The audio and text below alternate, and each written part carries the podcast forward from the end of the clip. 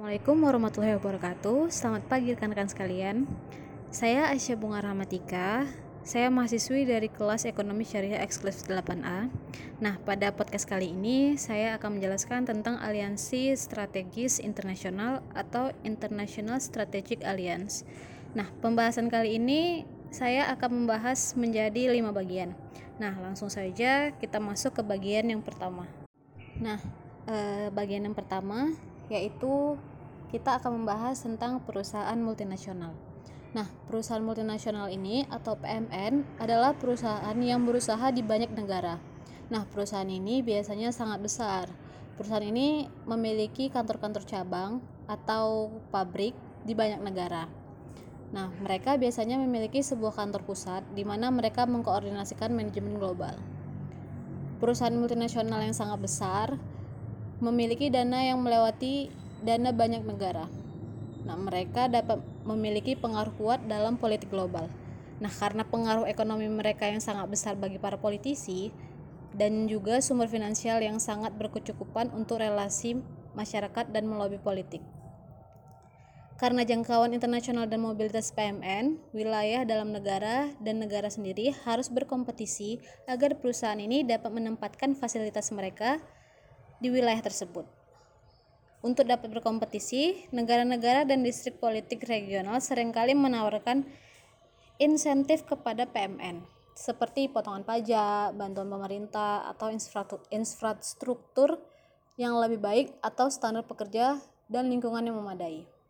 Nah, PMN sering sering kali memanfaatkan subkontraktor untuk memproduksi barang tertentu yang mereka butuhkan.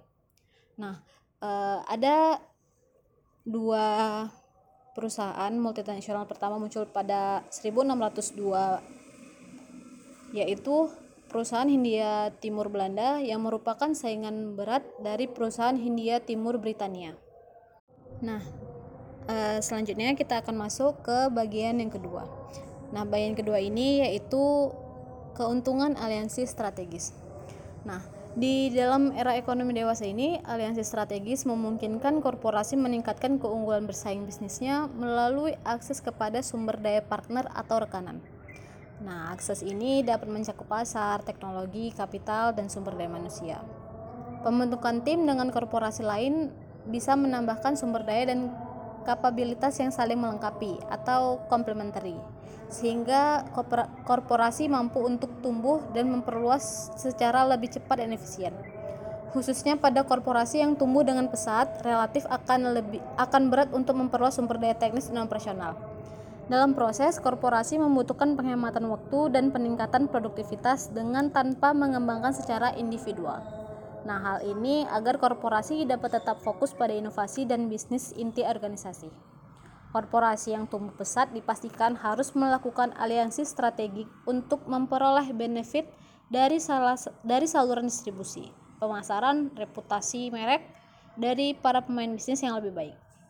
Nah, dengan melakukan aliansi strategik, beberapa keuntungannya yaitu yang pertama, memungkinkan partner atau rekanan untuk konsentrasi pada aktivitas terbaik yang sesuai dengan kapabilitasnya.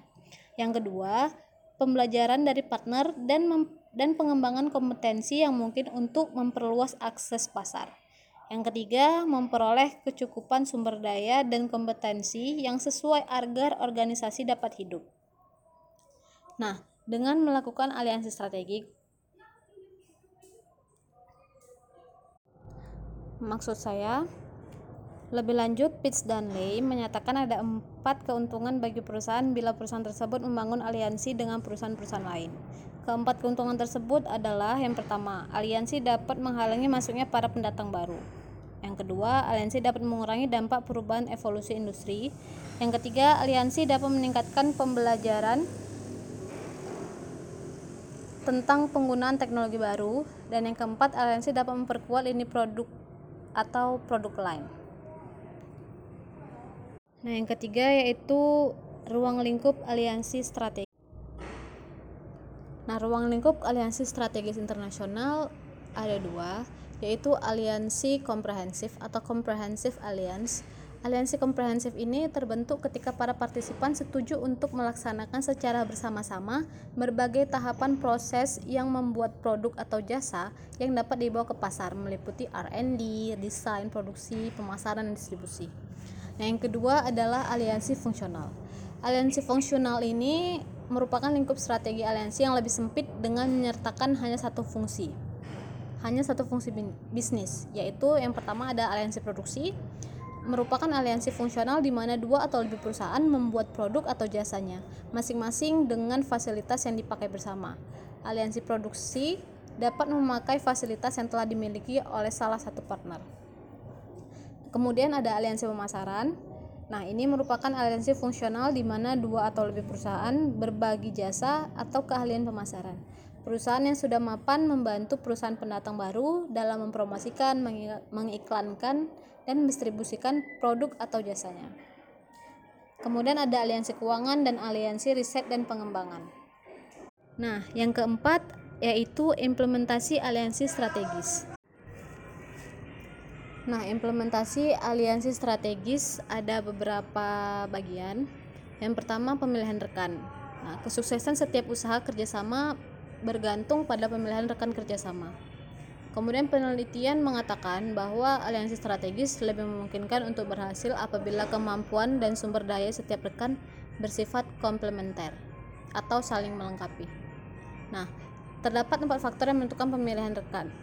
Yang pertama itu kecocokan. Perusahaan harus memilih rekan yang bisa dipercaya dan dengan siapa perusahaan tersebut dapat bekerja dengan efektif.